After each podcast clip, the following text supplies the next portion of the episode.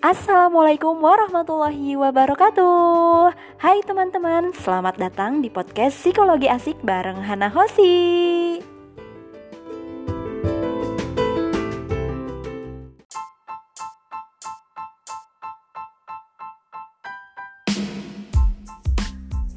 Nah, di episode kemarin kan aku baru bahas kilas ya tentang Steven. Jadi hari ini aku bakalan bahas dua kilas. Dan kemarin kan aku sempat bilang juga ya, kalau aku tuh pernah ngikutin, jadi pernah kayak coba untuk mencari-cari tahu yang ada di psikologi umum yang bahas tentang ekstrovert dan introvert. Dan ternyata di Steven juga ada ekstrovert sama introvertnya. Tapi kalau di Steven ekstrovert sama introvertnya ini tuh beda gitu.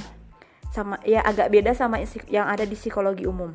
Jadi gini, kalau misalkan di psikologi umum kan yang ekstrovert itu orang yang e, lebih senang ketemu sama banyak orang. Terus suka dengan kegiatan aktivitas sosial, e, berinteraksi sama banyak orang gitu ya.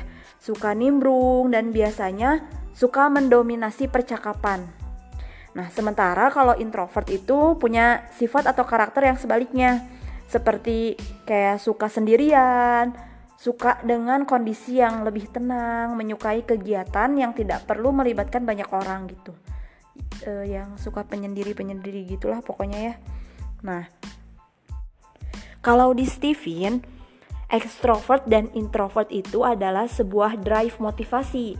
Kalau misalkan extrovert, dia itu drive motivasinya dari luar atau dari lingkungan ke dalam diri dia.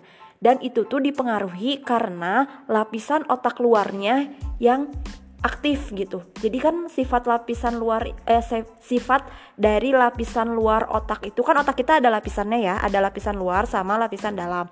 Kalau lapisan luarnya yang lebih aktif daripada lapisan dalamnya, maka itu tuh e, berpengaruh pada kepribadian dia menjadi jadi dia tuh gampang dipengaruhi oleh lingkungan. Nah, jadi drive motivasinya tuh dari luar ke dalam. Gitu. Biasanya orang yang e, apa ya?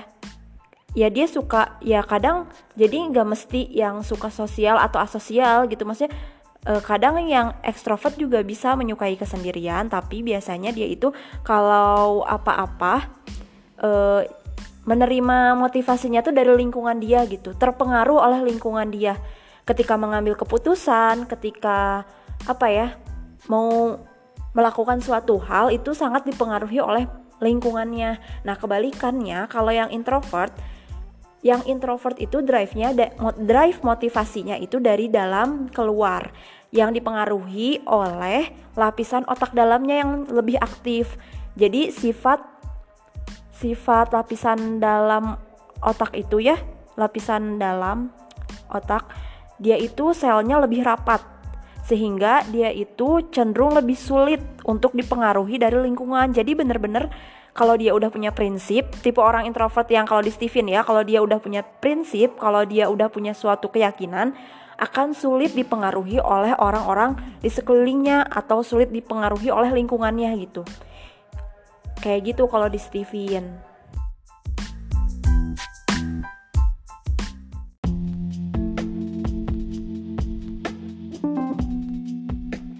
Nah, ekstrovert dan introvert yang ada di Steven itu E, nggak bisa berdiri sendirian kayak yang di psikologi umum. Kalau yang di psikologi umum kan misalkan e, dia termasuk orang yang ekstrovert berarti orangnya sosialis. Dia termasuk yang introvert berarti orangnya asosial. Kalau di Steven itu tuh nggak bisa ekstrovert dan introvert aja. Jadi fungsinya ekstrovert dan introvert ekstrovert lah dan introvert ini tuh dia tuh mendampingi uh, lapi mendampingi MK mesin kecerdasan yang tadi kayak sensing, uh, thinking, intuiting, dan feeling. Karena kalau ada kan satu lagi insting, cuman kalau insting tuh nanti kita bahas kalau insting itu nggak ada extrovert dan introvertnya ya. Jadi nanti tuh bakalan ada sensing extrovert dan sensing introvert. Terus ada thinking extrovert dan thinking introvert sama kayak intuiting, feeling juga nanti bakalan ada yang extrovertnya dan versi introvertnya. Jadi nanti meskipun has hasilnya sama-sama uh, eh, MK eh otak dominannya uh, yang yang sensing tuh, tapi kalau dia lapisan otaknya extrovert, lapisan otak luar yang aktifnya sama lap, ada yang lapisan otak dalam yang aktifnya itu bakalan beda ada jadi sama-sama sensing tapi ada yang extrovert dan ada yang introvert. Itu bakalan beda meskipun masih sama-sama sensing. Kayak gitu kalau di Steven. Nah, kalau yang insting, kenapa insting gak ada extrovert dan introvertnya? Karena kan tadi udah kita bahas ya, kalau insting itu kan, eh di episode kemarin ya aku udah pernah bilang kan kalau insting itu adalah otak tengah. Nah otak tengah tuh dia nggak memiliki lapisan otak luar dan lapisan otak dalam. Jadi dia tuh responnya lebih ke langsung responsif gitu loh. Karena dia tuh nggak ada ekstrovert dan introvertnya. Dia tuh kadang uh, apa ya bukan kadang sih tapi lebih ke kalau menerima sesuatu kejadian responnya tuh suka langsung tiba-tiba spontan gitu ujuk-ujuk gitulah jadi e, kalau di Steven itu memang yang ekstrovert tuh nggak harus yang orangnya suka sosialis berhubungan e, dengan orang banyak. Ya memang cenderung seperti itu tapi dia juga kadang bisa untuk menyendiri gitu. Nggak selalu dia sosialis terus maksudnya uh, apa ya suka berkumpul terus gitu. Kadang juga dia tuh ada yang mungkin lebih senang sendiri tergantung dari lingkungannya juga ada nanti faktor pengaruh lingkungan gitu.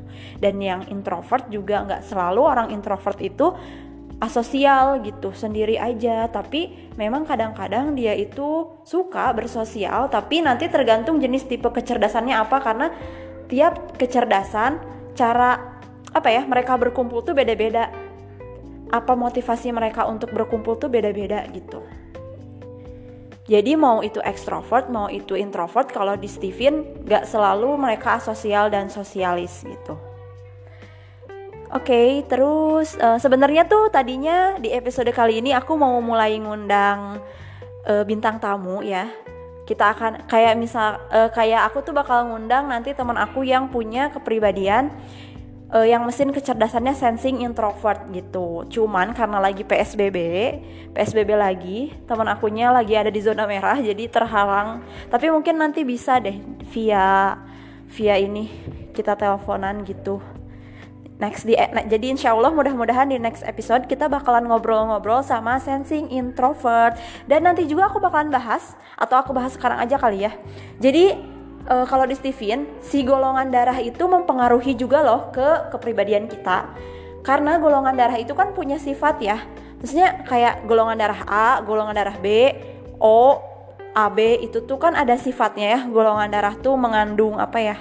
Sejenis sel-sel gitu yang ada sifatnya. Jadi kalau misalkan golongan darahnya A, dia itu respon awalnya akan cenderung ke thinking-thinkingan gitu. Respon awal aja ya hanya respon awal. Jadi dia itu mewarnai kepribadian kita lah golongan darah tuh.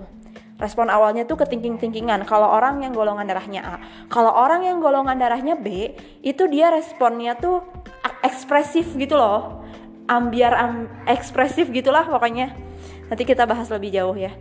Terus yang golongan darah O, yang golongan darah O itu sifat sifat awalnya itu dia lebih ke baper gitu loh. Kadang yang suka nggak enakan nggak enakan gitu biasanya gitu ya.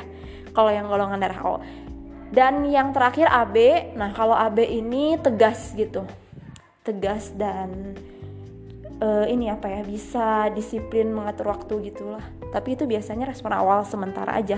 Ke sananya cara mengambil keputusannya cara berkomunikasinya itu biasanya balik lagi ke MK-nya apa sensing, thinking, feeling atau intuiting atau insting gitu. Nah, untuk pembahasan lebih jauhnya lagi, lebih dalamnya lagi, kita bakalan sambung di next episode ya. Mudah-mudahan aku bisa ngundang teman aku yang punya kepribadian sensing introvert. Kita bakalan ngobrol-ngobrol bahas tentang sensing introvert. So, see you next episode ya. Bye. Wassalamualaikum warahmatullahi wabarakatuh.